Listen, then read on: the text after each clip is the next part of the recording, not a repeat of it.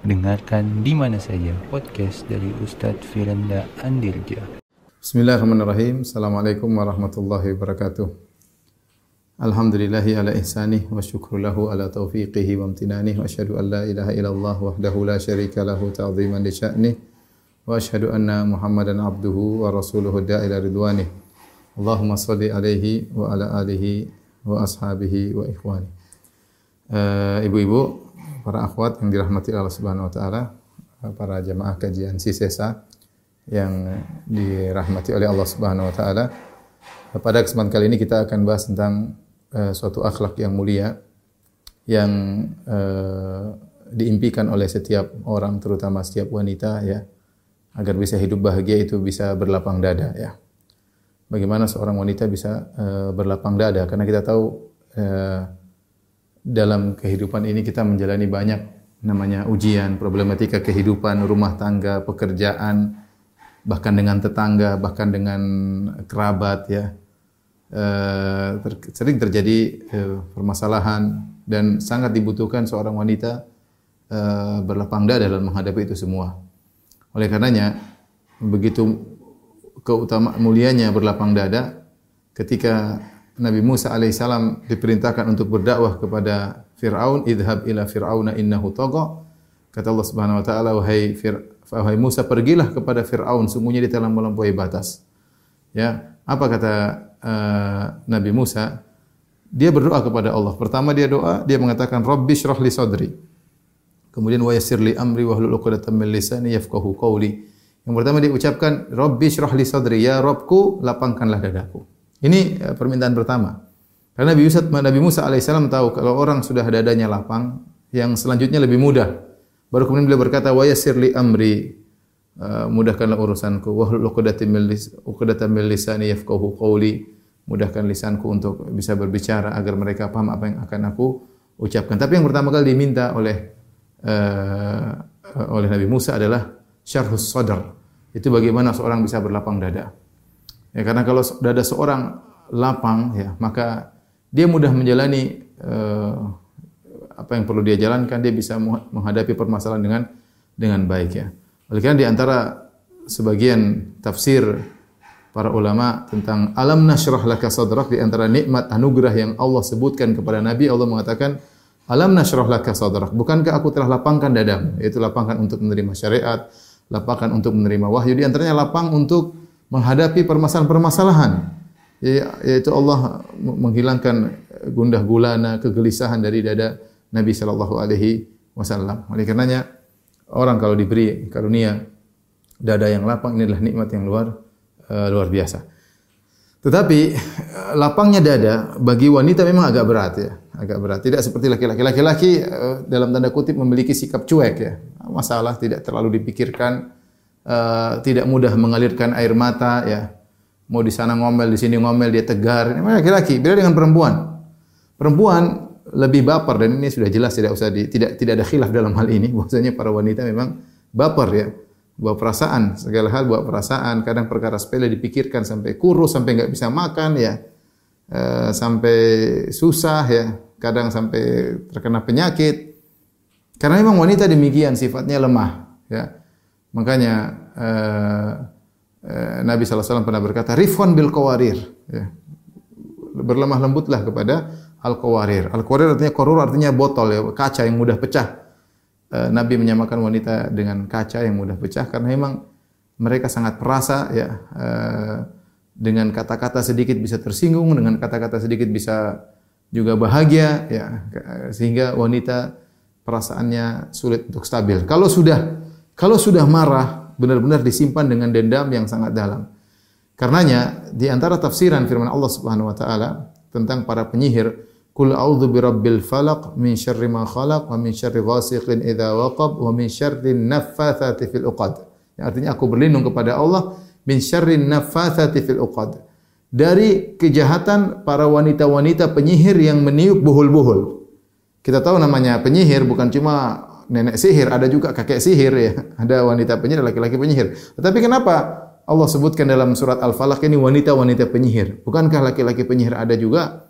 Sebagian ulama ada yang mengatakan karena sihirnya para wanita lebih kuat dan lebih banyak mereka jadi penyihir di antara sebab mereka lebih kuat karena hati mereka kalau sudah jengkel dendamnya sangat kusumat sangat luar biasa ya dan ini kenyataan yang pahit terkadang kita lihat wanita kurang berlapang dada ya ketika terjadi permasalahan di antara mereka akhirnya sulit memaafkan pertemanan yang tadi sudah di dibina selama bertahun-tahun bisa hancur dalam sekejap ya Uh, dan demikianlah wanita. Oleh karenanya pembahasan tentang berlapang dada ini sangat penting terutama bagi wanita yang baper ya, yang bawa perasaan disimpan uh, terkadang tidak diungkapkan hanya diungkapkan dengan tangisan tapi tidak hilang kedongkolan tersebut, kejengkelan tersebut ya, kemarahan, dendam dan yang lainnya ya.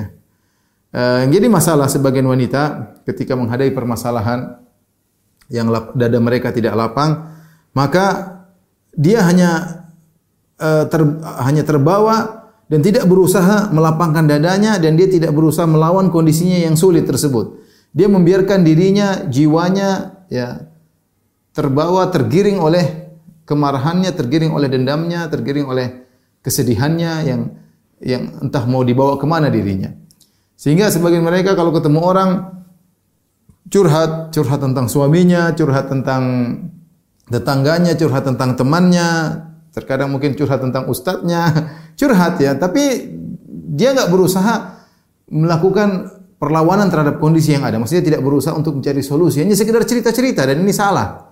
Ya, ini yang diinginkan oleh syaitan. Syaitan ingin wanita cerita sana, cerita sini, cerita sana, tapi dia sepertinya pasrah, tidak tidak melakukan berusaha melakukan perubahan, ya, perbaikan dengan apa yang dia hadapi. Dan uh, akhirnya terjebak dalam kesedihan yang berkepanjangan dan ini mempengaruhi ibadahnya, mempengaruhi dunianya. Dan Allah senang wanita yang terjebak dalam kesedihan yang tidak hilang-hilang kesedihan tersebut. Innama najwa minasyaitani liyahzuna alladhina amanu. Ya. Uh, sungguhnya najwa bisik-bisik dari syaitan liyahzuna alladhina amanu agar orang-orang yang beriman menjadi uh, bersedih. Ya. Jadi uh, ini yang berbahaya terkadang seorang wanita tatkala dadanya tidak lapang sehingga begitu mengalami permasalahan ya dia hanya curhat sana sini terkadang curhat di HP terkadang curhat di medsos tanpa berusaha mencari uh, solusi ini yang yang menjadikan kita perlu berbicara atau membahas tentang pentingnya uh, berlapang dada karena kalau seorang wanita sudah diberi anugerah lapang dada dia wanita yang sangat bahagia ya dadanya eh, dadanya lapang besar luas dadanya luas ya bisa jadi wanita tersebut kurus tapi masya Allah dadanya luas, siap menghadapi berbagai macam permasalahan, tenang, tenteram, tidak tidak meledak-ledak ya, ya. Menghadapi masalah dengan dengan cerdas, dipandang masalah tersebut, bisa diajak berpikir. Namun jarang wanita seperti itu, jarang ya. ya. Bisa jadi seorang wanita mungkin badannya besar tapi dadanya sempit. Baru disinggung sedikit ngomel, baru ngomong sedikit tersinggung ribut sama orang tuanya, ribut sama tetangganya, ribut sama suaminya, ribut sama anaknya, egonya tidak mau dia turunkan. Repot seperti ini. Makanya di antara hal yang menakjubkan, ya, di antara hal yang menakjubkan, Allah menyebutkan di antara ciri wanita penghuni surga adalah wanita yang berlapang dada terhadap suaminya. Apa kata Nabi SAW menyebutkan di antara ciri wanita penghuni surga adalah wanita yang berlapang dada kepada suaminya. Dalam satu hadis Nabi SAW uh, uh, bersabda, Ala ukhbirukum binisaikum min ahli jannah. Maukah aku kabarkan kepada kalian tentang wanita kalian yang merupakan penghuni surga? Siapa wanita-wanita penghuni surga tersebut? Kata Nabi SAW di antaranya al-aud ala zaujiha, yaitu seorang wanita yang selalu kembali kepada suaminya. Maksudnya apa? Seorang wanita selalu kembali kepada suaminya. Idza dzalamat au udhiyat kalau dia berbuat salah kepada suaminya atau dia dizolimi oleh suaminya, maka dia pun datang kepada suaminya. Kemudian fawadha'at yadaha uh, tahta yadihi kemudian dia meletakkan tangannya di tangan suaminya. Kemudian dia berkata la adzuqu ghamdan hatta tarda. Dia mengatakan wahai suamiku aku tidak bisa tidur sampai kau meridhoiku ya dan ini wanita seperti ini bukan wanita yang uh, yang, yang, yang sembarangan yang dia melawan egonya untuk minta maaf kepada suaminya untuk mencari keridhaan suaminya terlepas dia yang benar atau dia yang salah. Karena dalam riwayat disebutkan idza udhiyat au zalamat kalau dia diganggu oleh suaminya artinya suaminya yang salah atau dia yang berbuat zalim kepada suaminya dia berusaha mencari keridhaan suaminya sampai dia datang letakkan tangannya di tangan suaminya dia pegang tangan suaminya dia berkata, "Ya suamiku, aku tidak bisa tidur sampai engkau ridha." Ya. Ya. Bukan bukan untuk yang ego, "Mas kamu yang salah." Sayang, Bang kamu yang salah ya. Kamu harus begini, begini. Subhanallah. Sebagian wanita, sebagian wanita egonya tinggi sehingga tatkala terjadi problematika di antara uh, dia dengan suaminya, uh, jangankan uh, jangankan dia yang uh, apa namanya? Dia yang salah. Kalau dia salah dia dia dia, dia benar dia tidak meminta maaf. Dia dia salah saja dia tidak meminta maaf oleh kalau dia benar. Sebagian wanita dia yang dia yang salah saja dia tidak minta maaf, maunya suaminya yang minta maaf. Apalagi kalau dia benar, wah, lebih lagi. Karena ini ini di antara hal yang menakjubkan saya dapat di dalam hadis ternyata ternyata wanita yang berlapang dada terutama terhadap orang-orang terdekat maka wanita tersebut adalah uh, penghuni surga. Baik, uh, ibu-ibu sekalian yang dirahmati Allah Subhanahu wa taala, kajian si sesa yang dimuliakan oleh Allah Subhanahu wa taala. Uh, dari sini kita harus uh, mempelajari di antara sebab-sebab apa yang bisa membuat kita mudah untuk berlapang dada. Karena terus terang namanya permasalahan tidak akan pernah selesai. Kita hidup, eh, kita masuk dunia ini, kita memang masuk dalam dunia permasalahan ya. Laqad khalaqnal insana fi kabad. Kata Allah sungguh kami telah ciptakan manusia dalam kepayahan. Dia tidak berpindah dari satu kondisi-kondisi lain kecuali di situ ada permasalahan, ada ujian, ada kesedihan, ya ada ada tawa tapi diselingi dengan kesedihan, ada gembira tapi diselingi dengan Eh, tangisan, seperti itu. Itulah kehidupan apa? Manusia. Siapa pun dia orangnya, ya siapa pun dia, dia orangnya. Karena kita perlu tahu tentang apa sebab-sebab yang bisa kita jalankan baik laki-laki maupun wanita terutama seorang wanita agar dia bisa dadanya lapang ya dadanya lapang oleh karenanya kalau kita lihat para ambia para rasul para ulama kalau kita baca biografi mereka subhanallah dada mereka lapang Para nabi kalau dada mereka tidak luas, mereka tidak bisa jadi nabi. Caci maki, dihina, direndahkan, ya, kemudian dilemparin oleh kaumnya, diejek oleh kaumnya. Hampir seluruh nabi demikian. Dikatakan syairun au majnun, orang gila atau penyair, sinting dan yang lain. Namun Allah menyiapkan mereka sosok-sosok yang memiliki dada yang lapang, dada yang luas, yang siap menerima problematika, bisa menghadapi dengan tegar. Dan ini dan ini orang-orang yang hebat seperti ini ya. Saya pernah ketemu kawan, dadanya sangat sempit. Subhanallah, orangnya berilmu, kawan saya sendiri waktu saya sekolah di Madinah. Orangnya berilmu, mungkin hafal Quran, tetapi dadanya sempit subhanallah. Kasihan saya lihat dia. Ketika ada masalah sama teman, teman saya yang lain, dia emosi. Dia bilang, "Ya Firanda, si fulan itu Ya saya doakan semoga dia disempitkan dalam kuburannya. Padahal belum mati orangnya. Masya Allah kenapa begitu sadis ya. Ya akhi, itu kawan ente, ente doain supaya disempitkan dalam kuburan. Dia masih hidup, sudah didoain seperti itu. Kenapa sampai harus seperti itu ya? Kenapa sampai harus seperti itu? Jadilah seorang yang berlapang dada ya. Kita apalagi orang Indonesia harusnya orang yang lapang dada, mudah memaafkan ya. Harusnya demikian, mudah menghadapi permasalahan, tidak memperbesar masalah, ada masalah kecil, jangan lebay dibesar-besarin ya. Udah, dengan demikian kita akan hidup dengan dengan tenteram. Maka orang yang paling bahagia adalah orang yang dadanya paling lapang. Tapi di antara hal-hal yang mungkin bisa kita perhatikan oleh para ibu-ibu yang dirahmati, para akhwat, eh, agar dada kita bisa menjadi lapang, eh, adalah eh, pertama kita harus tahu tujuan kita adalah akhirat. Ini paling penting. Saya hidup di ini tujuan saya akhirat. Ya, dan saya dalam kehidupan ini saya akan melewati lautan yang penuh dengan gelombang. Tujuan saya adalah agar saya bisa sampai pada tujuan. Maka saya harus sabar, tujuan saya akhirat. Kapan kita menjadikan dunia kita sebagai tujuan, kita akan tenggelam dalam lautan dunia tersebut. Masing-masing kita punya pekerjaan, masing-masing kita punya kesibukan, tapi jangan sampai kita jadikan dunia sebagai tujuan kita. Siapa yang menjadikan dunia sebagai tujuannya, hatinya akan dicerai-beraikan oleh Allah Subhanahu wa taala. Tapi apa pun pekerjaannya, apa pun kegiatannya, dia menjadikan ini sebagai sarana untuk mencapai akhirat, maka ini akan menjadikan dia bahagia. Ya. Kawan-kawan banyak yang punya pekerjaan, punya apa namanya? produk-produk ya, tapi dia niatkan bahwasanya saya kalau dapat sekian persen untuk Islam, untuk dakwah, untuk anak yatim. Dengan demikian dia menjebak dirinya ya untuk menjadikan akhirat sebagai orientasinya. Ya, tidak dilarang dia memiliki kelebihan harta untuk uh, beli ini, beli anu untuk dia hidup nyaman sama keluarganya, sama istrinya, sama anak-anaknya, sama suaminya. Oke, okay, nggak ada masalah. Tapi orientasinya harus akhirat. Karena siapa yang orientasinya dunia, dia akan dicerai berikan hatinya oleh Allah Subhanahu wa taala. Oleh karena seorang harus menjadikan tujuan dia adalah uh, akhirat. Ini penting ya. Makanya di antara doa Nabi SAW dan saya harap para ibu-ibu menghafalkannya uh, apa namanya? Wala taj'alid dunya akbaru hammina. Wala mablagha ilmina. Ya. La taj'alid dunya akbaru hammina. Yang artinya Allah janganlah kau jadikan dunia sebagai puncak cita-cita kami. Jangan. Ya. Wala mablagha ilmina dan puncak daripada ilmu kami. Ya. Kami ini belajar ya Allah agar akhirat menjadi tujuan. Dan ini ini ini kalau teori semua orang pandai ngomong Oh tujuan kita, tujuan kita akhirat. Ada mungkin ustaz ngomong gitu tapi duniawi banget ya. Bisa jadi seorang dai ngomong gitu tapi duniawi banget. Secara teori oke. Okay. Teori ngomong akhirat, akhirat, akhirat tapi kenyataannya duniawi. Ya. Semuanya dilabel dengan dunia ya.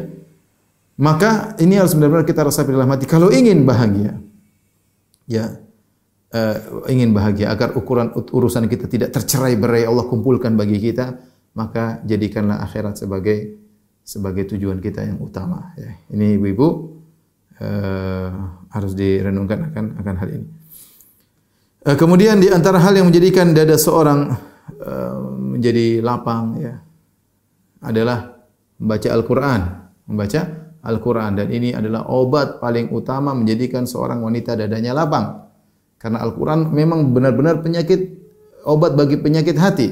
Kata Allah Subhanahu Wa Taala, "Qad ja'atkum mau'izatun min rabbikum." Ya. Wa shifaa'un lima fis sudur. Ya. Telah datang ya Al-Quran yang memberi peringatan kepada kalian. Wa shifaa'un lima fis sudur. Kata Allah, dan Al-Quran adalah obat bagi penyakit hati. Obat bagi penyakit hati. Seorang penyakit hati, grundel, dongkol, jengkel, gelisah nggak tahu apa sebabnya, kok tidak tentram hati ini, baca Al-Qur'an, buka lembar-lembar Al-Qur'an. Tinggalkan dulu medsos, buka Al-Qur'an, tinggalkan dulu pekerjaan sebentar, tinggal baca Al-Qur'an. Dan jangan jadikan bacaan Al-Qur'an kalau sempat, salah itu salah. Jangan kalau sempat saya baca Al-Qur'an, jangan. Al-Quran harus punya jadwal, harus punya jadwal tersendiri. Ibu-ibu dirahmati Allah Subhanahu wa taala. Jangan terjebak waktu kita habis untuk melihat medsos.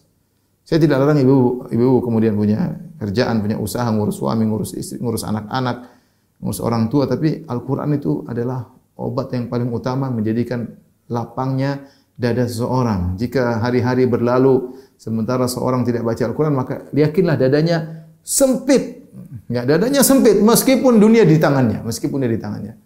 Ya. Allah Subhanahu wa taala mengatakan, "Wa man a'rada an dzikri fa inna lahu ma'isyatan dhanka." Barang siapa berpaling dari peringatanku, maka bagi dia kehidupan yang sempit. Ini benar. Kebahagiaan tempatnya di hati. Nggak bisa kita nggak bisa bohongi diri kita. Sebagian orang harta di tangannya, ya. Semua dia miliki, tapi hatinya sempit, gelisah, ya. Padahal hartanya banyak, padahal suaminya kaya, padahal anak-anaknya ini mungkin ada yang sekolah di luar negeri macam-macam. Dunia sudah dia miliki, mobilnya banyak, tapi dadanya sempit. Kenapa? Rahasianya dia berpaling dari peringatanku kata Allah. Wa man a'rada an dzikri. Barang saya berpaling dari peringatanku, fa inna lahu ma'isyatan dhanka.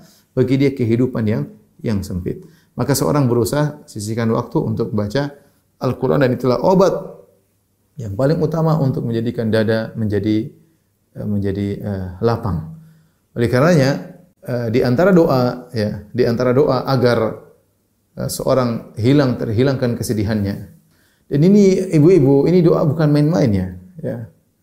Doa ini benar kalau kita ucapkan dengan tulus ya. Allah bisa hilangkan kesedihan kita seketika itu pula ya. Ketika itu pula ya. Saya, saya sekedar apa sharing pribadi artinya saya pernah mengalami kesedihan yang sangat sedih ya. Uh, bersengketa dengan sebagian kawan-kawan ya. Saya sangat sedih banget ya. Tidak tahu saya tidak bisa ungkapkan kata-kata, tapi saya ingat begitu, saya ingat doa tersebut saya baca ya. Allah apa namanya uh, Allahumma inni abduk ibnu abdik ibnu amatik nasiyati biyadik madhin fiyya hukmuk adlun fiyya qada'uk as'aluka bi kulli ismin huwa lak sammaita bihi nafsak aw anzaltahu fi kitabik aw 'allamtahu ahadan min khalqik aw ista'tharta bihi fi ilmi al-ghaibik an taj'al qur'ana rabi'a qalbi wa nura sadri wa dhahaba hammi wa jala'a huzni ya. Artinya ya Allah aku adalah hambamu. Ya. Aku adalah uh, anak dari hambamu. Ya. ya. Anak dari hamba perempuanmu nasiyati biyadik ubun-ubunku di tanganku ya. Uh, madin fiya uh, adlun fi qada hukmu hukum engkau berlaku kepadaku. Dan keputusanmu berjalan kepadaku. Maka aku mohon kepada engkau dengan bertawassul dengan seluruh nama-namamu yang terindah yang kau namakan dirimu dengan nama-nama tersebut. Atau kau turunkan dalam Al-Quran, atau kau ajarkan kepada sebagian hambamu, atau kau simpan nama-nama tersebut dalam ilmu gaib di sisimu. Anta ja'alal Qur'ana rabi'a qalbi agar kau jadikan Al-Quran ini yang aku baca ya Allah sebagai pelipur lara, sebagai penyejuk hatiku. Anta ja'alal Qur'ana rabi'a qalbi wa nura sadri dan sebagai cahaya bagi dadaku. Wa dhahaba hammi dan untuk menghilangkan kegelisahanku wajala ahuzin dan untuk membuat sirna kesedihan yang meliputi dadaku.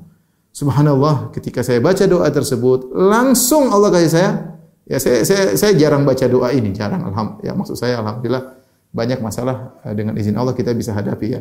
Tetapi saya pernah mengalami suatu kesedihan yang luar biasa kesedihan tersebut ya. Waktu saya bersama kawan-kawan, kawan-kawan juga tahu bagaimana saya sangat sedih. Ketika saya baca doa tersebut, langsung seketika itu pula Allah menghilangkan kesedihan saya. Subhanallah, alhamdulillah. Jadi maksud saya, di antara maksud saya di antara isi doa tersebut kita bertawasul dengan nama Allah dengan mengatakan anta ja'alal qur'ana rabi'a qalbi. Ya Allah jadikan Al-Qur'an sebagai penyejuk hatiku. Maka ini dalil bahwasanya seorang harus sering terkait dengan Al-Qur'an. Semakin dia sering baca Al-Quran, apalagi dia baca tafsirnya, lezat dia baca tafsir itu. Kenikmatan luar biasa dia rasakan. Akan menghilangkan berbagai macam problem. Siapa di antara kita sih yang tidak punya problem? Ya siapa? Semuanya. Mau siapa pun dia, mau raja, mau presiden, apalagi banyak problem, menteri, raja banyak problem ya. Oh, kita dari dari tingkatan strata strata paling rendah sampai strata paling tinggi semuanya ada problematika kehidupan, enggak ada yang tidak. Tapi bagaimana kita menghadapi itu semua ya. Jadi antara hal yang mudah kita lakukan adalah dengan membaca Al-Qur'an. Kemudian di antara yang disebutkan oleh Ibnu Qayyim rahimahullahu taala di antara hal yang membuat seorang bisa dadanya sempit adalah fudulul kalam, fudul istima, fudul nazar, fudul mukhalatah. Maksudnya apa? Fudul kalam terlalu banyak omong. Banyak omong enggak berhenti-berhenti. Itu buat hati menjadi sempit. Kita ngomong secukupnya. Fudul nazar terlalu banyak yang kita lihat. Lihat ini, lihat anu, lihat ini, lihat anu, lihat ini, lihat anu. Buang-buang waktu. Ya. Kemudian apa? Fudul istima terlalu banyak dengar, dengar ini, dengar anu tentang ini, tentang anu, tentang ini, tentang anu subhanallah. Fudul mukhalatah terlalu banyak main. Ketemuan sana, ketemuan sini, ketemuan sana, ketemuan sini. Kita biarkan kita berjalan dengan hawa nafsu kita. Mau dengar apa yang mau kita dengar, mau lihat apa yang mau kita lihat, mau komentar apa yang kita komentar, mau ketemu siapa. Tanpa kita pilih-pilih, tanpa kita perhatikan gerak-gerik hati kita, tahu-tahu dada kita sempit. Tahu-tahu kebahagiaan dicabut oleh Allah sedikit demi sedikit. Ya ukhti muslimah, kalau anti ingin bahagia, ya jangan terlalu menghabiskan waktu anti dengan banyak mendengar, dengan banyak melihat, dengan banyak terlalu banyak bergaul. Jangan, ya. Sisihkan waktu Anda untuk Allah. Sisihkan waktu Anda untuk keluarga. Ada waktunya kita bekerja, ada waktunya kita ngobrol, ada waktunya kita melihat berita.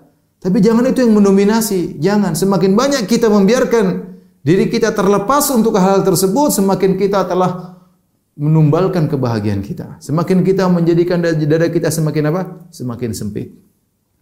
Semakin sempit ya. Lagi-lagi ibu-ibu sosialita sekarang ya Allah habis waktu untuk urusan-urusan terkadang urusan-urusan yang tidak begitu prinsip, tidak begitu tidak primer waktunya habis ya. Saya tidak melarang namanya wanita suka dengan keindahan, tapi bukan kemudian waktunya habis untuk semua ya.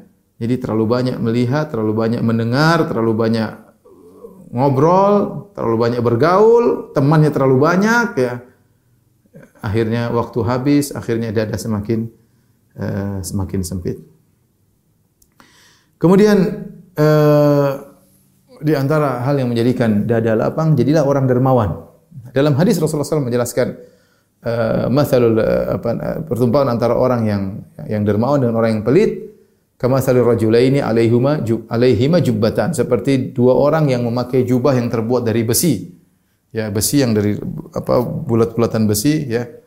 Kalau seorang dermawan dia hendak berdermawan, hatinya ingin menyumbang, ingin dermawan, ingin bantu orang lain, maka baju-baju tersebut mulai melonggar. Tadinya tadinya mengikat dadanya, kemudian mulai melonggar, melonggar dadanya semakin lapang. Adapun orang pelit, ya, ketika dia ingin bersedekah, dia ini uang kok saya keluarkan, maka dadanya semakin sempit, semakin sempit, semakin sempit. Kenapa cintanya terhadap dunia terlalu besar? Orientasinya murni duniawi. Ya, kalau anti melatih diri anti untuk sering bersedekah, memperhatikan anak yatim, ya, kemudian memperhatikan janda-janda yang susah, ada teman-teman anti yang janda bantu dia, insya Allah Allah lapangkan dada. Ya, lapangkan dada. Suami ngomel-ngomel, dada lapang, tenang. Kenapa anti sudah melatih diri memberi kebahagiaan kepada orang lain, maka Allah akan kasih kebahagiaan sama sama anti. Ya. Ya, tapi kalau anti pelit, pikir dunia terus mau ini suami mau sedekah dilarang, jangan mas, jangan mas, jangan mas. Kita beli ini, beli anu, beli ini, numpuk emas uh, berkilo-kilo, numpuk mobil banyak, numpuk ini, numpuk anu, numpuk ini. Aduh, dada semakin sempit, ya. dada semakin sempit, kebahagiaan semakin apa? Semakin hilang. Oleh karenanya ketika seorang datang lagi kepada Nabi SAW, yashku qaswata qalbihi. Dia mengeluhkan tentang kerasnya hatinya, maka Nabi SAW mengatakan, In arota kalina qalbi, kalau kau ingin dadamu menjadi lembut, ya maka fatimil miskin, beri makan kepada fakir miskin, wamsah ra'sal yatim, dan usapkan kepalamu kepada anak yatim. Ya, dengan kita berbuat baik, membagi kebahagiaan, maka Allah akan melapangkan melapangkan dada kita. Tapi mungkin yang terakhir karena waktu uh, tinggal sedikit tentang masalah Memaafkan orang yang punya salah sama kita. Ini penting ya. Saya tidak akan tentu saya punya kajian khusus yang judulnya 20 sebab untuk memaafkan tapi tidak akan menyampaikan semuanya. Tapi ada hal penting yang harus kita uh, sampaikan uh, agar kita mudah uh, memaafkan. Yang pertama bahwasanya kita tahu uh, memaafkan itu akhlak mulia. Jadi anti ini ukhti jangan menyangka bahwasanya dapat pahala kalau cuma baca Quran, kalau umroh, kalau haji. Kita maafkan itu juga dapat pahala. Makanya Allah sebutkan di antara ciri penghuni surga. Ketika Allah sebutkan tentang surga kata Allah iddat lil muttaqin. Allah siapkan surga bagi orang yang bertakwa. Setelah itu Allah sebutkan apa ciri-ciri orang bertakwa tersebut. Di antaranya wal afina anin nas yaitu orang-orang yang mudah memaafkan orang lain. Jadi eh, apa namanya pasang diri kita orang punya salah mudah. Kita mudahkan orang tersebut. Kalau kita mudah maafkan maka eh, dada kita menjadi lapang ya Allah Subhanahu wa taala berfirman, "Wa inna sa'ata la'atiyatun fasfahi safhal jamil." Sungguhnya hari kiamat akan tiba, maka maafkanlah dengan lapang dada. Maafkanlah dengan pemaafan yang baik. As-safah yaitu dengan lapang dada. Maafkan sudah, lupakan. Lupakan itu semua. Jangan menjadi seorang wanita yang suka ingat-ingat keburukan orang lain si fulana begini begini jangan jangan. Itu buang buang itu semua buang. Alhamdulillah kalau Allah membuat kita lupa dengan kesalahan-kesalahan orang itu adalah anugerah yang luar biasa. Kenapa kita bisa hidup tentram ya? Jadi maafkan. Dan orang yang paling utama kita maafkan orang terdekat kita ibu-ibu. Di antaranya apa? Suami kita. Suami kita tidak sempurna dia punya kekurangan. Ada kelebihan ada kekurangannya. Kalau dia kekurangan kita maafkan. Kita beri nasihat agar dia bisa uh, berubah. Tetapi kita harus punya uh, siap untuk memaafkan Eh, kesalahan-kesalahannya. Anak-anak juga demikian. Anak juga punya kesalahan. Ya, teman, kawan dekat ya. Jadi siapkan dada kita untuk uh, bisa uh, memaafkan. Kalau kita tidak memaafkan ibu-ibu, kita menderita sendiri, menderita sendiri. Sebelum tidur kita mikirin kesalahan orang, kedongkolan, kejengkelan. Kalau kita dengar namanya kita jengkel. Kalau kita lihat Instagramnya kita jengkel. Ini si Fulan, aduh. Akhirnya kita menyiksa diri kita sendiri. Coba kalau kita maafkan, ya sudahlah dia nggak ngerti. Apalagi kemudian kita uh, menyengajakan diri untuk ketemu, untuk ngobrol, ya sudah.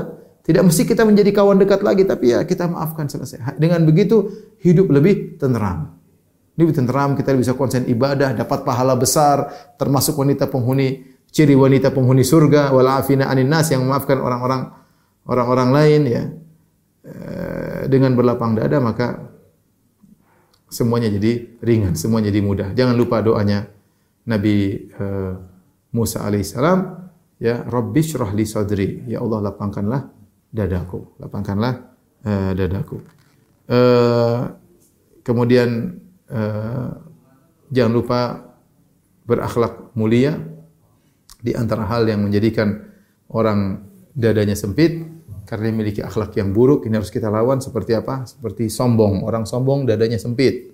Ya, orang ngomong sedikit dia merasa direndahkan. Dia harus nomor satu. Dia orang sombong ini suka emosi, ya. Dadanya sempit, mudah tersinggung, bapernya tinggi. Ya, kalau orang suka marah-marah, jangan-jangan dia uh, dia sombong. Kemudian hasad, ini bersihkan diri kita, jangan hasad. Ya, dan ini harus kita perjuangkan. Berdoa kepada Allah, ya Allah, saya memiliki hasad ya Allah. Ya, bersihkan dadaku daripada uh, daripada hasad ya. Dan uh, apa namanya akhlak-akhlak buruk yang lainnya terutama yang berkaitan dengan hati. Tapi demikian saja mungkin uh, pengajian uh, kajian si Sesa yang bisa sampaikan. Selanjutnya sebagaimana rencana kita kita bisa membuka tanya jawab interaktif dari para ibu-ibu dan akhwat sekalian. Allah taala alam bisawab. Alhamdulillah, jazakallah khair Ustadz untuk uh, sharing ilmunya. Dan uh, sekarang kita bisa mulai dengan pertanyaan-pertanyaan dari Umahat. Dan Masya Allah Ustadz pertanyaan yang masuk sudah sangat banyak. Um, insya Allah kita akan coba untuk uh, membahasnya hari ini atau mungkin insya Allah nanti di uh, kesempatan berikutnya. Dan Afwan terpaksa beberapa harus diedit tanpa mengubah makna karena banyak yang panjang Ustadz. Dan, oh iya, apa mana? Dan pertanyaan dari penanya yang sama juga mungkin nanti akan kita coba batasi semata-mata untuk memberi kesempatan bagi yang lain agar mendapat pencerahan juga yang sama dari Ustadz. Kita mulai dengan pertanyaan pertama Ustadz. Um, Ustadz, saya lima tahun ditinggal suami karena perempuan lain. Beberapa kali minta pulang nggak mau, tapi suami tidak menceraikan. Dan Eh, tetapi suami juga tidak masalah apabila saya ada laki-laki lain. Apabila saya menggugat cerai saja, apakah saya dosa atau tidak? Saya ingin punya suami, teman ngobrol, dan ibadah. Jazakallah khair, Ustaz. Uh, uh, Waalaikumsalam warahmatullahi wabarakatuh. Jadi uh, apa yang dihadapi oleh anti ya tadi suami udah nikah lagi atau punya teman yang lain ya kemudian lima tahun tidak pulang atau tidak, jarang pulang ke rumah. Kemudian eh, anti diberi dua pilihan, sabar boleh ya. Eh, kemudian minta cerai untuk mencari kehidupan yang baru juga boleh. Tidak. Jadi kalau anti minta cerai tidak berdosa sama sekali karena seorang berhak wanita berhak meminta cerai jika suami tidak menjalankan kewajibannya sebagai seorang sebagai seorang suami. Tentu seperti yang anti katakan tadi, seorang istri wanita butuh teman ngobrol dan dan itu benar ya kita dalam kehidupan rumah tangga kita memang harus menciptakan suasana obrolan antara suami dengan istri karena tempat kita eh, curhat adalah pasangan hidup kita. Kalau itu tidak kita dapatkan, tidak ada masalah bagi kita untuk kemudian minta cerai dan itu boleh dalam syariat karena suami tidak menjalankan kewajibannya sebagai seorang suami. Tapi sebelumnya tentunya cerai adalah obat yang terakhir ya. Selama masih bisa eh, dikompromikan, hendaknya dikompromikan. Tapi kalau ibu sudah coba sampai bertahun-tahun ternyata tidak bisa, boleh bagi ibu untuk mencerai, minta cerai, tapi sebelumnya berdoa kepada Allah agar dimudahkan. Allah alam bisawab. Jazakallah khair Ustaz. Uh, pertanyaan berikutnya, Bismillahirrahmanirrahim. Assalamualaikum warahmatullahi wabarakatuh. Suami Ana baru saja meninggal seminggu yang lalu. Meninggalkan Ana dan satu orang anak, dan Ana sedang mengandung enam bulan. Ana ingin bertanya beberapa hal, mohon sekali bantuannya. Yang pertama, bagaimana cara berbakti kepada suami yang sudah meninggal? Apakah istri masih punya hak setelah suami meninggal? Yang kedua, saya sering mendengar amalan berbakti kepada orang tua yang sudah meninggal. Apakah hal tersebut juga berlaku untuk suami? Misalnya mendoakan dan meminta ampun untuk almarhum, menunaikan janji, menunaikan janji dan bersedekah atas namanya, memulaikan teman dekatnya, apakah hal ini juga berlaku antara hubungan suami istri di mana suami sudah meninggal? Mohon doanya Ustadz agar Ana diberikan Allah kemudahan mendidik anak-anak Ana menjadi anak yang soleh, kuroto ayun, yang kelak menjadi ahli surga. Jazakallah khair kasiron, Ustadz. Waalaikumsalam warahmatullahi wabarakatuh. Uh, ukhti yang bertanya, uh, Allah sedang diberi ujian oleh Allah Subhanahu wa taala, ditinggal oleh suaminya, dipanggil oleh Allah Subhanahu wa taala. Tentunya inilah ujian yang berat bagaimana seorang yang biasanya dalam rumah tangga ada teman ngobrolnya ya. Uh, ternyata dipanggil oleh Allah Subhanahu wa taala apalagi dalam kondisi mengandung dan juga uh, sudah punya anak. Tapi uh, demikianlah kita tahu bahwasanya tidaklah Allah mentakdirkan sesuatu kecuali ada hikmah di baliknya. Ya, kita senantiasa husnudzon kepada Allah. Saya lupa tadi di antara hal yang membuat kita berlapang dada husnudzon. Husnudzon. Dan husnudzon itu uh, tidak bisa terbentuk kepada Allah dengan husnudzon berbaik sangka kecuali kalau kita ikut prosedur. Artinya apa? Maksud saya kalau kita sudah ibadah kemudian kita ini kemudian terjadi apa yang tidak kita suka yakinlah bahwasanya itu yang terbaik bagi bagi kita dan kita senantiasa husnudzon husnudzon kepada Allah. Ya, tetapi terkadang seorang susah untuk husnudzon tatkala dia tidak ikut prosedur ternyata dia bermaksiat, membangkang perintah Allah itu terkadang membuat dia susah untuk suudzon, untuk husnudzon. Jadi apa yang dialami oleh ukhti maka insyaallah eh, itu semua ada hikmahnya. Adapun pertanyaan bagaimana cara berbakti kepada suami, maka yang terbaik adalah banyak mendoakan, banyak mendoakan. Uh, suami yang sudah meninggal meninggal dunia ya uh, kemudian uh, apa namanya dan itu yang paling terbaik tentunya uh, kalau bisa bersedekah atas nama suami itu yang terbaik menghajikan suami boleh mengumrohkan suami juga boleh ya dan itu di antara uh, bentuk berbakti kepada suami setelah meninggalnya tapi yang paling utama adalah doa. Yang paling utama doa. doa. Oleh karenanya ketika Nabi mengatakan idza mata ibnu Adam in qata amal illa min. Kalau anak Adam meninggal maka terputus amalnya kecuali tiga. Di antaranya waladun soleh yad'ulahu, anak soleh yang mendoakannya. Ini kenapa disebut anak soleh yang mendoakannya? Karena yang paling setia mendoakan seseorang adalah anaknya. Tetapi seandainya orang lain ada teman kita yang selalu mendoakan, ada eh, istri kita yang selalu mendoakan, suami kita yang selalu mendoakan, maka tidak ada bedanya sama-sama manfaat karena doa itu sangat bermanfaat. Maka kalau anti e, ingin berbakti kepada suami ya sering-sering doain suami agar suami dimaafkan dosa-dosanya, diangkat derajatnya dan bisa semoga anti dikumpulkan dengan suami di surga kelak. Adapun e, amalan yang e, diajarkan kepada e, kita dari Nabi SAW, misalnya berbuat baik sama teman orang tua, apakah berlaku juga bagi teman-teman suami? Saya tidak tahu tentang hal ini dalil secara khusus ya eh, apakah berlaku juga bagi suami tetapi yang di, dipraktekkan oleh Nabi Shallallahu Alaihi Wasallam sebagaimana saya jelaskan semalam tentang kisah Khadijah ya kata Aisyah radhiyallahu taala anha la rubbama uh, dhahaba syatan fayaqta'u a'dha'a fayursiluha ila sadaiqi Khadijah. Kata Aisyah, terkadang Nabi SAW ingat-ingat selalu ingat Khadijah, terkadang beliau memotong kambing, kemudian beliau jadikan kambing tersebut eh, potongan-potongan, kemudian dikirim kepada teman-temannya Khadijah. Teman-temannya Khadijah. Ya, seakan-akan Nabi uh, ingat Khadijah, kemudian berbuat baik kepada teman-temannya Khadijah. Itu ada isyarat bahwasanya uh, seorang tidak mengapa berbuat baik kepada teman-teman suaminya misalnya dengan memberi makanan atau apa dengan niat pahalanya diberikan kepada suaminya insya Allah tidak jadi masalah ya karena para ulama sepakat kalau kita bersedekah atas nama mayat sampai. Atas nama mayat sampai. Ya mungkin berbuat baik kepada uh, orang tua suami misalnya ya. Ya dengan niat agar apa namanya menyenangkan uh, orang tua suami. Mudah-mudahan itu juga eh, pintu-pintu uh, pahala bagi kita. Wallahu alam bisawab.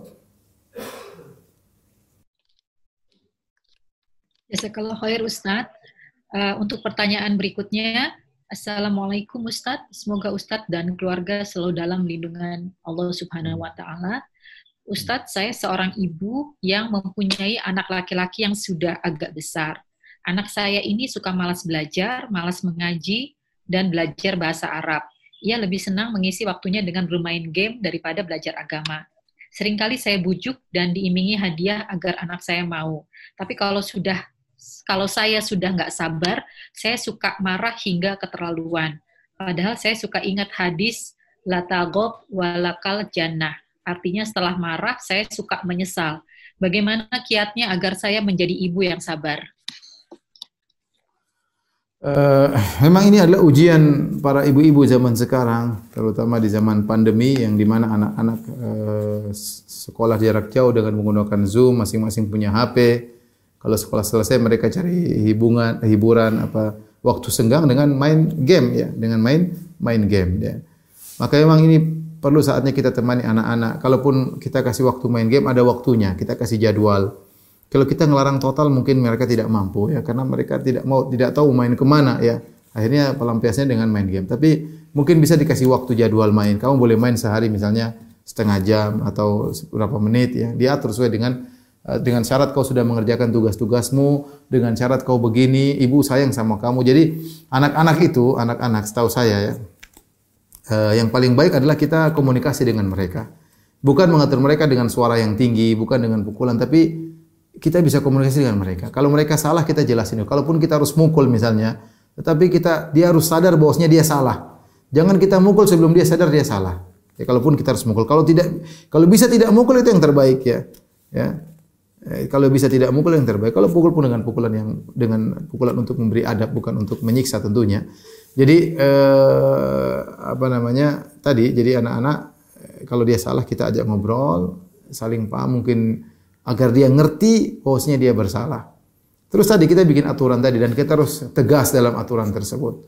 Boleh main HP misalnya jam sekian sampai jam sekian. Sisanya mohon maaf ibu ambil HPmu. Ibu sayang sama kamu. Kamu ngertikan ibu niat baik. Ya, sudah kamu belajar, tugasmu selesai, lapor sama ibu. Kalau benar-benar dia selesai, kasih dia main HP. Ya, setengah jam, satu jam, ambil lagi misalnya. Ya, karena anak-anak sekarang e, begitu ya. Mereka, seandainya mereka punya teman, mungkin mereka ngobrol, HP bisa kita ambil. Tapi nggak ada teman sekarang di rumah masing-masing, kemudian punya dunia masing-masing. Jadi diatur, diatur waktunya, uh, kemudian banyak berdoa kepada Allah Subhanahu Wa Taala. Karena yang bisa beri hidayah kepada anak kita cuma Allah Subhanahu Wa Taala. Bangun malam, kemudian doa dalam sujud, ya Allah berilah petunjuk kepada putraku. Ya Allah berilah petunjuk kepada putraku. Ya Allah jadikanlah dia senang dengan Al-Quran. Ya Allah mudahkan dia menjadi orang anak yang soleh. Ya Allah jauhkanlah dari godaan-godaan yang tersebar di zaman sekarang ini dan seterusnya. Allah alam bisawab, saya bisa memberikan uh, apa namanya ide ya ibu yang menjalankan. Semoga Allah memberi kemudahan bagi ibu. Allah alam bisawab. Barakallahu fiik Ustaz. Uh, berikutnya Assalamualaikum warahmatullahi Ahsanallahu ilaikum Ustaz. Ustaz, saya memiliki ibu tarbiyah yang mengasuh saya sejak bayi dan mendidik saya hingga dewasa. Kemudian alhamdulillah saya dipertemukan dengan ibu kandung setelah dewasa. Apakah saya berdosa karena lebih dekat dengan ibu tarbiyah daripada ibu kandung Ustadz? Sedangkan rasa kita tidak bisa bohong bahwa hati akan mendekat kepada yang mencintai. Apakah yang sebaiknya saya lakukan agar bisa berbakti kepada keduanya dengan seimbang? Jazakallah khairun wa barakallahu fiik Ustaz. Uh, kita tahu Nabi SAW bersabda, La yashkurullah man la yashkurun nas. Tidaklah bersyukur kepada Allah orang yang tidak tahu berterima kasih kepada manusia. Uh, syariat mengajarkan kita untuk pandai bersyukur kepada orang yang punya jasa kepada kita.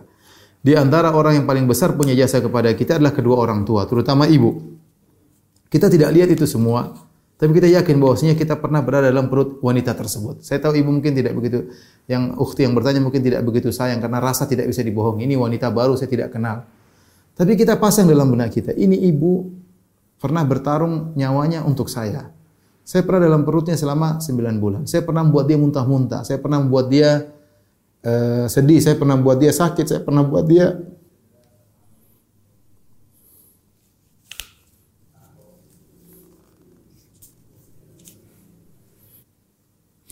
Uh, jadi uh, maksud saya seorang uh, merenungkan akan hal tersebut ketika dia mengetahui jasa seorang kepada dirinya maka dia akan mudah berbuat baik kepada orang tersebut meskipun dia tidak kenal sebelumnya ya.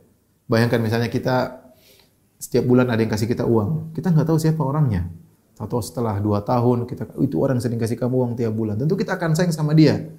Kenapa kita tidak sayang sama dia? Karena kita terkadang lupa dengan jasa tersebut. Tapi kalau kita renungkan, bosnya wanita ini yang pernah berjasa kepada saya, saya pernah dalam perutnya, dia pernah uh, menyusui saya dan seterusnya meskipun cuma beberapa saat kemudian saya diambil oleh ibu tarbiyah saya, maka dengan demikian kita akan uh, timbul kasih sayang kepadanya. Itu harus harus kita bina. Karena orang tua, jangankan orang tua yang mungkin meninggalkan kita ya. Ya mungkin kita dirawat oleh ibu tarbiyah karena ekonominya yang kurang, karena dia sayang sama kita daripada saya dia tidak bisa merawat kita, dia kasih sama orang. Saya nggak tahu sebabnya kenapa anti kemudian berpindah dari ibu sungguh kepada ibu tarbiyah ya kenapa karena terkadang masalah ekonomi terkadang masalah yang lain uh, tapi intinya uh, jangankan ibu yang seperti ini bahkan ibu yang yang musyrik ibu yang jahat ibu yang zalim tetap kita disuruh berbakti kepada ibu tersebut. Ya kata Allah Subhanahu wa taala wa in jahadaka ala an tusyrika bi ma laysa laka bi ilmun fala tuti'huma. Jika keduanya uh, memaksamu untuk berbuat kesyirikan maka jangan taat kepada keduanya. Ya wa sahibuhuma fid dunya ma'rufa. Tapi pergaulilah keduanya uh, dengan cara yang terbaik. Alhamdulillah sekarang anti tahu anti punya dua orang ibu yang punya jasa besar ya. Ibu tarbiyah kita tidak diragukan jasa dia bagaimana merawat anti padahal dia bukan anti bukan anaknya dan seorang tidak boleh lupa dengan kebaikan orang lain ya. ya jadi ber, berbakti sama dia, uh, berbuat baik sama dia, tapi bagaimanapun ibu kandung yang datang dalam Al-Qur'an semuanya ibu kandung. Ya. Ibu kandung itulah yang pernah anti dalam perutnya. Ibu kandung itulah yang ketika uh, melahirkan bertarung dengan kematian antara hidup dan mati. Ya, uh, ibu kandung itulah yang mengalami banyak wahnan ala wahnin kelemahan di atas kelemahan. Jadi tinggal anti meng, uh, apa namanya menghadirkan dalam diri anti uh, wanita ini meskipun saya tidak kenal tapi dia punya jasa sama saya ya dengan makanya berbuat baik sebisanya. Dan saya rasa ibu tarbiyah mengerti uh, bilang aja mak mama kan tahu dalam Islam saya punya kewajiban sama ibu saya. Ya ada waktu mengunjungi paling tidak telepon. Kalau mungkin tidak sering mengunjungi telepon gimana kabarnya bu? Baik-baik. Berusaha mengenal berusaha mengenal. Dia ibu mungkin rindu tapi dia gimana lagi ini anak saya bukan anak saya tapi ya kita jangan kecewakan dia berusaha kenalin, kenalkan diri. Seperti kita mau mau cari muka sama seseorang, cari muka sama ibu kita ya. Berusaha kenal, kenal, telepon dekat. Semoga nanti dapat pahala yang besar, bisa berbakti kepada orang tua.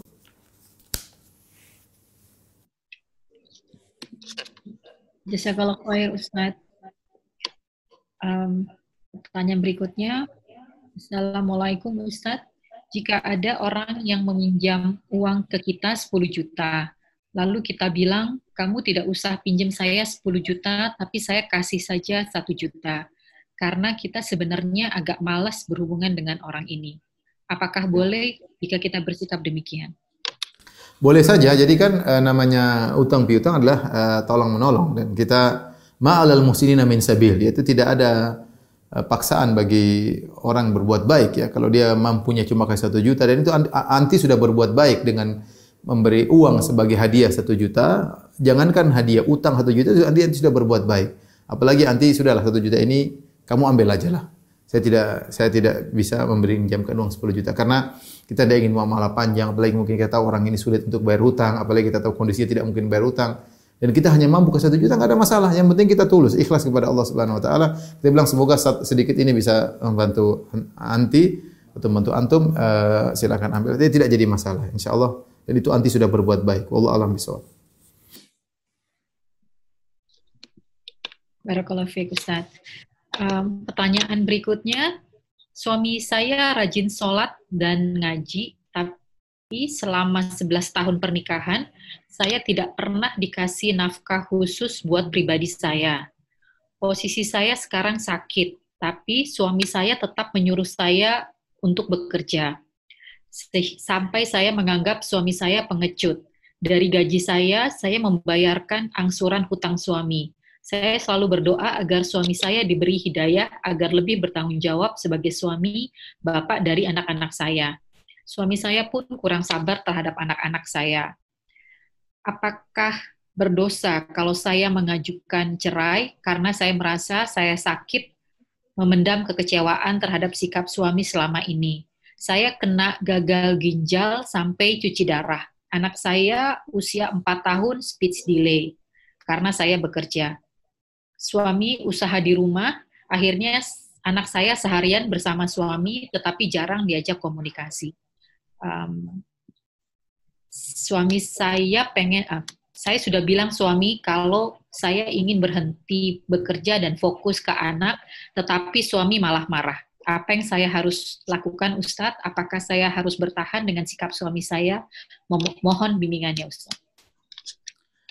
Uh, tentunya kita tahu kewajiban suami adalah mencari nafkah. Ya. Uh, kalau kita lihat suami kita sudah berusaha semaksimal mungkin uh, dan dia bukan melepaskan tanggung jawabnya, kita bantu oke okay, itu bagus. Dan kita tahu banyak di Indonesia seperti itu ya saya pernah datang dua orang uh, suami istri. Uh, istrinya kerja, gajinya sekitar 4 juta, suaminya udah kerja banting tulang, gaji cuma satu setengah. Uh, istrinya pingin suaminya ingin istrinya keluar kerja, tapi secara secara real nggak mungkin karena suaminya satu setengah juta tidak mampu untuk mencukupi kehidupannya. Maka istrinya terpaksa bekerja dengan berat. Dia bertanya bagaimana Ustaz? Saya bilang ya mudah-mudahan nanti dapat pahala ya karena niatnya untuk membantu suami karena suaminya benar-benar kerja. Lain halnya kalau suaminya kemudian malas-malasan, bertumpu kepada istri, itu tentunya suami yang nggak benar ya. E, sampai istrinya sakit kemudian tetap disuruh kerja, saya rasa itu adalah sikap yang keliru. Sekali lagi, kalau anti bertanya, apakah saya boleh minta cerai? Ya, kalau kalau boleh, jawabnya boleh. Saya tidak mungkin mengatakan tidak boleh. Kenapa? Karena di antara uh, bolehnya seorang minta cerai jika suaminya tidak memenuhi kewajibannya sebagai seorang suami. Ya, suami yang tidak memberi nafkah kepada anak istrinya, ya maka seorang wanita boleh minta cerai dari suaminya, boleh. Tetapi sering saya sampaikan bahwasanya cerai itu adalah yang terakhir. Jika semuanya sudah ditempuh, berbicara baik dari hati ke hati dengan suami, uh, bilang mas saya dalam kondisi sakit, tidak mungkin saya kerja, Nah, kalau suaminya ngomel-ngomel suruh dalam kondisi gagal ginjal masih suruh kerja itu keterlaluan ya. Maka nanti punya hak untuk uh, minta cerai misalnya untuk untuk khuluk supaya hidup lebih tenteram. Uh, tapi ini sekedar teori ya. Selanjutnya yang paling penting anti istikharah kepada Allah. Tapi kalau tanya boleh atau tidak boleh, saya bilang boleh. Kalau kondisinya benar-benar demikian. Tapi anti berdoa kepada Allah dalam kondisi sakit semoga doa orang yang mutar dalam kondisi terdesak seperti anti dan mungkin sakit didengar oleh Allah Subhanahu wa taala. Maka minta kemudahan jalan keluar dari Allah dan banyak istighfar. Banyak istighfar. Dengan banyak istighfar semoga permasalahannya mudah dihadapi. Cerai yang terakhir tapi kalau nggak ada cara kecuali cerai maka tidak mengapa ditempuh. Allah alam bisawab.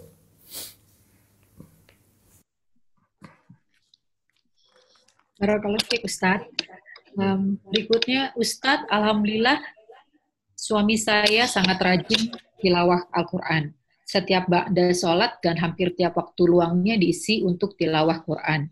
Tapi beliau tidak mau membaca zikir pagi petang. Katanya membaca Al-Quran itu lebih baik dan lebih utama. Anak-anak kalau saya ajak zikir pagi dan petang jadi ikutan males karena ikut ayahnya. Bagaimana menasehati suami saya agar mau melakukan ibadah sunnah lainnya seperti zikir pagi petang? Uh, luar biasa ini alhamdulillah punya suami seperti itu rajin sholat ya. Bukan rajin main game bukan rajin medsos ya. Alhamdulillah bersyukur kepada Allah ya. Nah, itu nikmat yang luar biasa. Suami hobinya baca Quran. Bukan baca koran ya. Uh, adapun dia tidak zikir pagi petang pertama zikir pagi petang hukumnya sunnah tentunya tidak wajib. Seorang tidak baca pun tidak mengapa sangat dianjurkan untuk dibaca tapi tidak sampai derajat wajib Tentu suami sepertinya punya syubhat. Dia mengatakan Quran zikir yang terbaik. Ya. Dan itu benar bahwasanya Al-Quran adalah zikir yang terbaik secara mutlak. Tetapi ada zikir-zikir tertentu uh, yang terbaik pada tempatnya. Contoh, jadi ibu diskusi sama suami. Mas, coba, bukankah kalau kita setelah sholat kita baca astagfirullah, astagfirullah, astagfirullah, Allahumma antas salam, minka salam. Mas baca Quran setelah sholat atau zikir tersebut? Padahal kalau dipisahkan seandainya zikir ini astagfirullah astagfirullah kemudian subhanallah 33 kali subhanallah alhamdulillah 33 kali Allah akbar 33 kali kalau dipisahkan secara sendiri dibandingkan dengan Al-Qur'an Al-Qur'an lebih bagus karena Al-Qur'an firman Allah Subhanahu wa taala.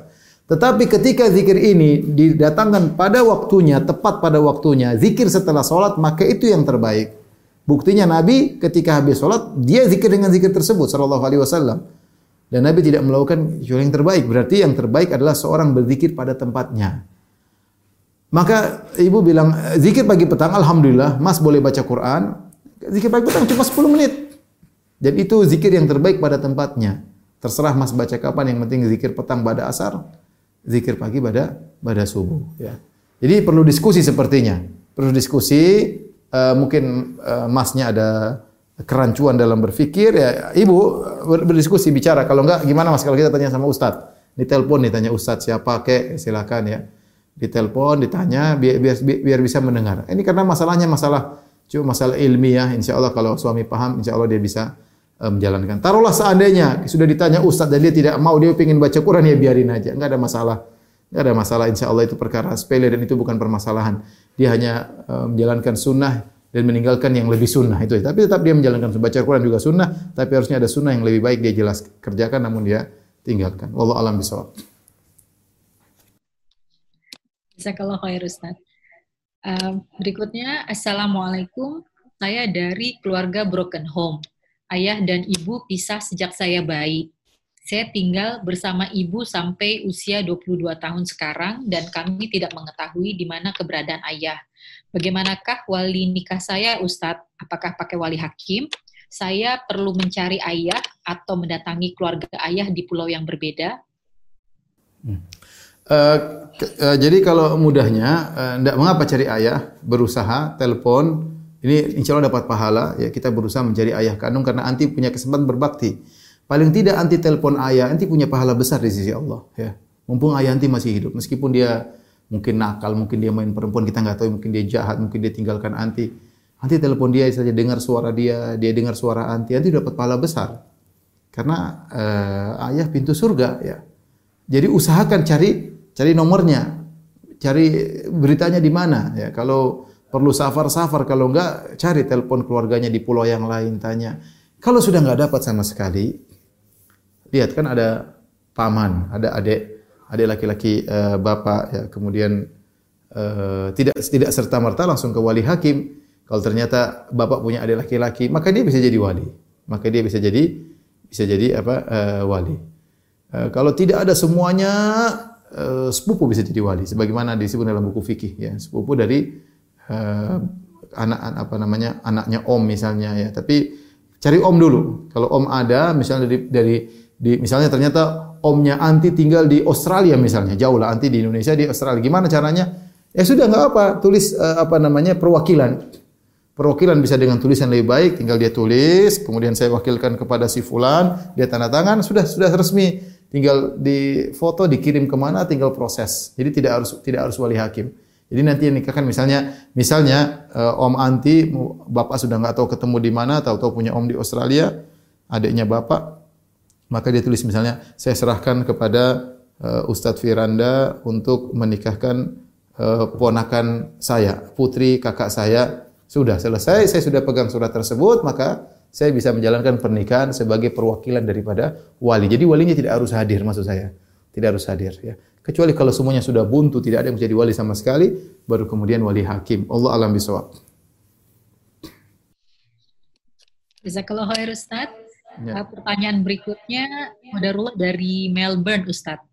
Bismillah. Oh, dari Australia. Bismillah, perkenankan nama saya uh, Fulani. Saya tinggal di Melbourne dan saya sudah menikah. Uh, saya ingin bertanya, yang pertama, bagaimana cara menyikapi hubungan dengan mertua di mana pada saat awal pernikahan suami tidak dapat menjebatani istri dengan orang tuanya karena di awal pernikahan suami selalu curhat dan cerita ke orang tuanya tentang hal yang tidak baik yang terkait dengan rumah tangga sehingga mertua selalu bersikap negatif bahkan saya pernah bahkan saya sampai disidang oleh tante-tantenya um, dan sering berantem perihal suami yang susah disuruh sholat. Yang kedua, um, saya dan suami menikah dengan cara ta'aruf di mana perjanjian sebelum pernikahan adalah akan sama-sama belajar agama untuk meningkatkan iman dan takwa dan memperdalam ilmu ahlu sunnah. Dan suami saya belum bisa baca Al-Quran. Saya baru tahu setelah sudah menikah. Orang Orang tuanya pun menitipkan anaknya untuk dibimbing agama. Tetapi setelah menikah, suami mengingkari semuanya. Saya bekerja, beberapa sholat dilewatkan. Eh, saat bekerja, beberapa sholat dilewatkan. Diajak mengaji, menolak. Jadi saya sering berantem membangunkan suami untuk sholat. Ustadz, bagaimana cara supaya saya bisa mengajak suami saya untuk belajar agama bersama-sama? Sudah satu tahun dua bulan pernikahan kami. Pernikahan kami. Uh, saya rasa di, eh, pertama tentu berdoa kepada Allah Subhanahu wa taala. Salat malam jangan kita sepelekan, doa di penghujung malam eh, tatkala semua orang sedang tidur mengadakan kedua tangan mengeluhkan keluhan kepada Rabbul Alamin yang Maha mendengar dan Maha mengabulkan doa hamba-hambanya, maka itu adalah cara yang sangat efektif. Yang pertama, yang kedua, uh, coba uh, diskusi ngobrol sama suami baik-baik ya. Jangan diser, jangan disertai dengan angkat suara, mulai kita mulai dengan baik, penghormatan. Jadi suami kan teman ngobrol, ngobrol sampai dia enjoy ngobrol sama kita. Mas gimana? Saya senang sekali kalau kamu bisa sholat.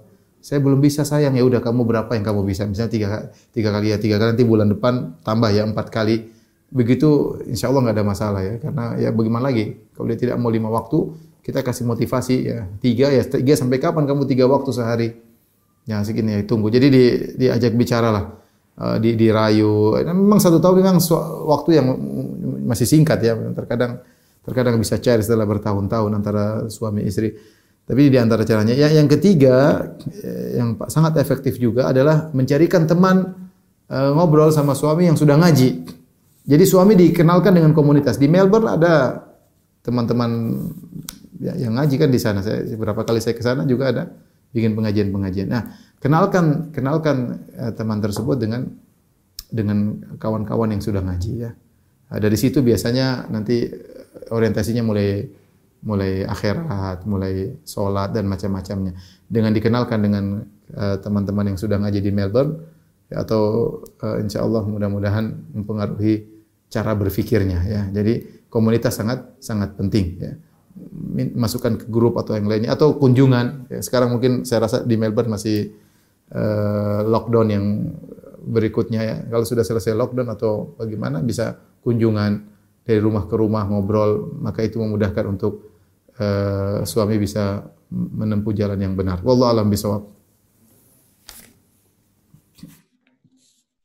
Barakallahu fiik Ustaz. Berikutnya, Bismillah. Assalamualaikum Ustadz. Saya akhir-akhir ini dibikin bimbang dengan nasab suami saya dengan anaknya bersama mantan istrinya. Suami saya dulu adalah duda dengan dua orang anak laki-laki.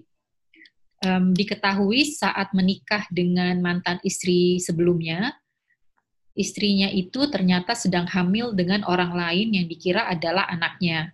Suami bilang menikah Agustus, anaknya lahir Januari bukan prematur ini menjelaskan kalau bukan anak suami saya. Mantan istri tersebut selalu menuntut kewajiban untuk menafkahi anak tersebut. Bagaimana dengan hukum menafkahi anak ditinjau dari segi agama dari segi agama dan untuk status pernikahan mereka terdahulu apakah sah? Kalau tidak sah, bagaimana dengan nasab anak kedua anak ya, anak sebelumnya tersebut? Apakah suami saya punya kewajiban untuk menafkahi? Uh, berarti ya yang saya pahami uh, dia menikah istri dalam kondisi hamil terus anak pertama sepertinya anak orang. Kemudian anak kedua baru anak dia. Anak kedua baru anak dia. Setelah itu cerai dia nikah sama ukhti yang bertanya. Uh, adapun pernikahan dia dalam istri dalam kondisi hamil uh, dalam uh, kondisi hamil maka uh, uh, ada khilaf di kalangan para ulama, tapi pendapat yang saya condong adalah pendapatnya sah. Uh, pendapatnya apa? Uh, sah. Ya. Uh, tetapi anak dia bukan anak tersebut bukan anaknya, anak tersebut bukan uh, bukan anaknya. Apalagi tadi baru Agustus bulan apa tadi lahir saya lupa. Menikah bulan Agustus. Februari. Februari berarti Januari, Agustus, September, Oktober, November, Desember, jadi lima bulan dan tidak prematur. Jadi kemungkinan besar itu bukan uh, bukan anaknya. Kalau bukan anaknya, uh, tidak ada kewajiban untuk menafkahinya. Tetapi kalau dia ingin menafkahi ya, uh, sebagai bentuk kasih sayang kemanusiaan pada orang anak-anak yang bapaknya entah ke mana, yang uh, dia ingat kebaikan dulu istri pertamanya juga pernah Eh, jadi istrinya ya. Dia pernah sayang kepada anak tersebut misalnya. Sebagai sebagai kemanusiaan saja sosial ya maka tidak mengapa. Tapi kalau dikatakan wajib tentunya tidak ya. Tentunya tentunya tidak. Allah alam bisawab Baik, barakallahu fiik Ustaz. Uh, berikutnya Bismillah Ustadz, jika saudari kandung saya memiliki hutang di masa lalu sebelum dia menikah, Lalu ketika dia sudah menikah dan memiliki kelebihan rizki dari suaminya, tapi dia tidak membayar utangnya. Kalau menagih lagi, saya takut merusak hubungan baik kami. Tapi kalau tidak ditagih, saya khawatir timbul hasad dalam hati. Bagaimana sebaiknya Ustadz? Syukron jazakullah khair. Uh, antinya yang bagaimana? Kalau anti mau berkorban, ikhlaskan ya sudahlah saya ikh, saya bukan apa kalau bahasa kita ikhlaskan. Kalau uh, artinya saya relakan, saya gugurkan hutang tersebut, ya insya Allah pahalanya besar. Tapi kalau anti hati tidak rela karena butuh kepada uang, ya, tentunya anti boleh menagih uh, dengan kata-kata yang baik. Uh, ya misalnya atau saudariku, uh, dulu saya ya apa namanya bagaimana dengan uh, tanggungan anti yang sebelum nggak ada masalah ya itu anti uh, kalau kalau dia marah berarti dia yang salah bukan anti karena anti meminta hak Ya, di, di, di depan nanti ada dua dua pilihan. Nanti memaafkan, ya sudahlah saya relakan. Saya tidak tahu ber, ber, besar, besar nominalnya, ya, besar atau besar saya nggak tahu. Uh, yang kedua, nanti bisa menagih. Menagih tersebut, nanti tidak salah, nanti punya hak. Seharusnya tidak usah ditagih pun seorang yang berutang harusnya bayar. Ya, uh, anti ingatkan gimana dengan utang anti dahulu. Saya khawatir anti lupa misalnya dengan kata-kata yang baik. Kata-kata yang baik ya maaf ukti atau maaf uh, saudariku atau bagaimana uh, sampaikan kata-kata yang baik di WA uh, eh, atau ketemu langsung lebih baik gimana ya. Sudah, setelah itu lihat bagaimana uh, sikap dia ya. Kalau ternyata dia pun menjauh, dia marah-marah, bukan nanti yang salah. Tapi kalau dia iktidar, dia minta maaf saya belum bisa, ya alhamdulillah. Berarti kan bisa lanjutkan penagihan. Ya saya kebetulan lagi kondisi susah, saya butuh uang tersebut, bisakah anti membantu saya tanggungan yang dengan kata-kata yang baik. Jadi tidak perlu tidak perlu takut untuk menyampaikan. Karena kalau terjadi sesuatu yang salah bukan anti. Tapi saya katakan pilihan pertama, anti maafkan itu yang terbaik. Kalau memang anti bisa lakukan. Tapi kalau anti butuh uang, itu hak anti. Tidak ada dosa sama sekali, nanti berhak menagih. Allah alam bisawab. Barakallahu fiik Ustaz. Uh, berikutnya Bismillah, Afwan Ustadz ingin bertanya, apakah salah jika seorang istri cemburu dengan adik dari suaminya yang mana si suami terlalu berlebihan dalam memperhatikan si adik. Apakah hmm. salah seorang apakah salah seorang istri melarang suaminya memberikan uang kepada adiknya padahal adiknya punya gaji sendiri juga dan sudah memiliki istri juga? Hmm. Uh, uh, kalau melarang tidak boleh, kecuali kalau anti nggak dikasih makan, kurus kerempeng, nggak punya kemudian dalam kondisi susah, ya itu baru anti berhak melarang karena suami punya kewajiban untuk eh, apa namanya memberi nafkah kepada anti. Tapi kalau ternyata anti dalam kondisi nyaman, gaji sudah dipenuhi, eh, suami tidak suami sudah memenuhi kewajiban yang memberi nafkah, maka terserah dia uangnya ini mau dikasih adiknya, dia mau kasih orang tuanya, dia mau kasih apanya, tidak boleh kita larang. Anti boleh kasih masukan. Kalau melarang nggak boleh. Itu uang uang suami. Mas, uh, masya Allah, tapi bisa nggak disisikan misalnya buat anak-anak ke depan, Mas. Tapi anti anti nggak boleh melarang, nggak melarang. Ya. Kalau anti ngarahkan boleh, ngarahkan tidak apa-apa itu baik. Mengarahkan Mas mungkin simpan dulu kata siapa tahu adik punya keperluan mungkin adik kamu yang pertama, adik kamu yang kedua disimpan-simpan untuk keperluan mendesak. Nanti bantu dia untuk menyambung silaturahmi dan itu baik ya. Kayaknya adik sekarang lagi cukup arahan boleh, tapi kalau melarang tidak boleh. Ya, tidak boleh kecuali kalau anti ternyata tidak dipenuhi kebutuhannya baru anti boleh melarang karena anti menuntut hak anti. Allah alam bisawab. Barakallahu fiik Ustaz. Berikutnya uh, Ustadz saya sudah menikah lama tiga sudah saya sudah menikah lama tiga tahun yang lalu suami saya masuk si A. Saya bingung apa yang harus saya lakukan karena saya takut tidak bisa menafkahi anak dan suami mengancam kalau bercerai tidak akan menghidupi saya dan anak. Mohon pencerahannya. Tunggu, Ustaz. suaminya kenapa? Masuk apa? Suaminya kenapa? Uh, suami uh, tiga tahun yang lalu suaminya masuk Syiah, Ustaz. Ikut Syiah?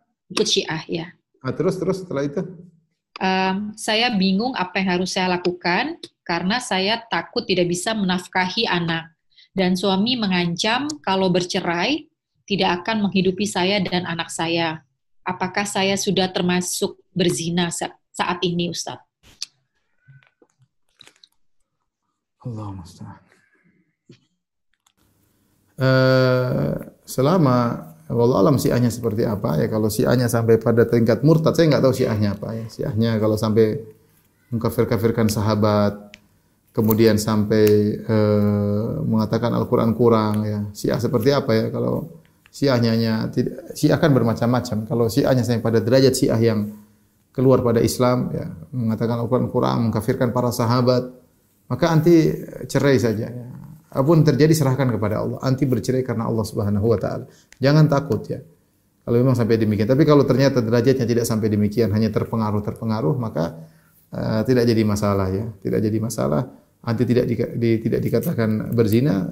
Tapi bagaimanapun uh, uh, dalam kondisi seperti ini ya, uh, saya lebih menganjurkan bercerai. Ya, saya lebih menganjurkan bercerai. Ya, kalau kondisinya dia apalagi Syiah kemudian saya pada tingkatan-tingkatan yang parah, dan selanjutnya serahkan kepada Allah Subhanahu wa taala ya. Ini bukan lagi bicara tentang bid'ah bid'ah biasa, ini bicara masalah bid'ah kekufuran. Ya, mengkafirkan sahabat, mengatakan Al-Qur'an kurang ya. Uh, dan yang lainnya, maka uh, yang saya anjurkan anti cerai ya. Uh, selanjutnya uh, serahkan kepada Allah. Ya, kalau ada kawan-kawan yang bisa bantu uh, bantu ukhti kita tersebut ya, agar dia selamat akidahnya dan anak-anaknya selamat dari akidah bapaknya yang menyimpang tersebut. Allah alam bisawab.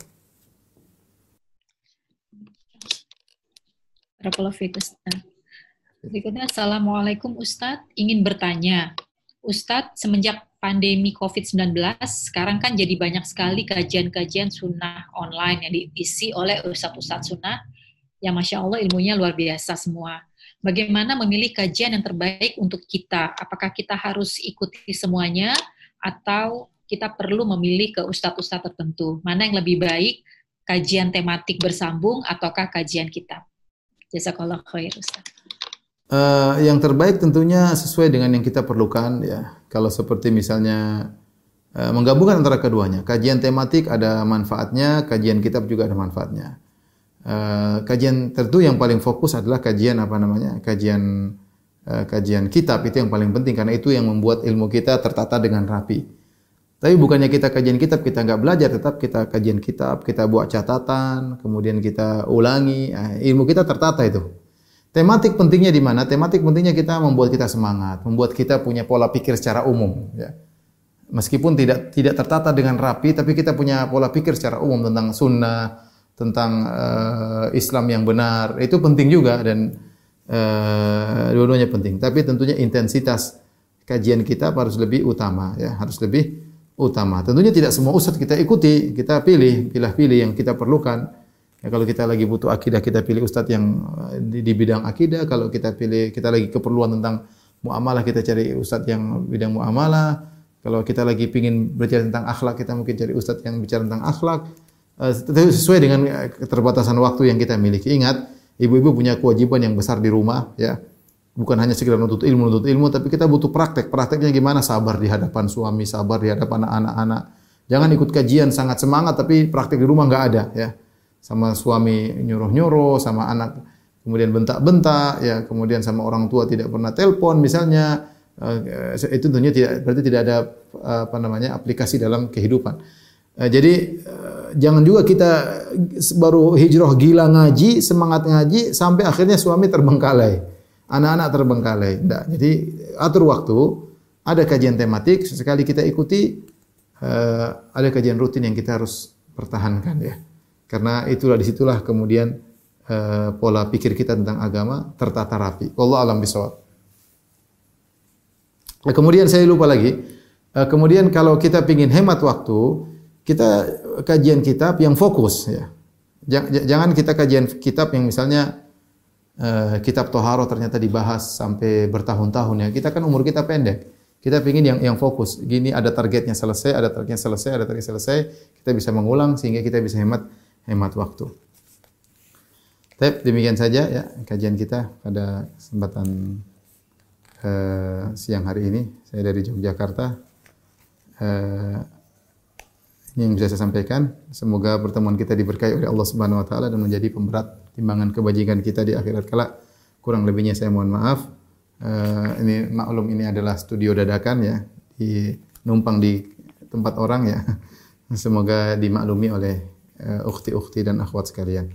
Wabillahi taufiq wal hidayah. Assalamualaikum warahmatullahi wabarakatuh. Ayo, segera download Quran Tadabbur, tafsir dalam genggaman Anda.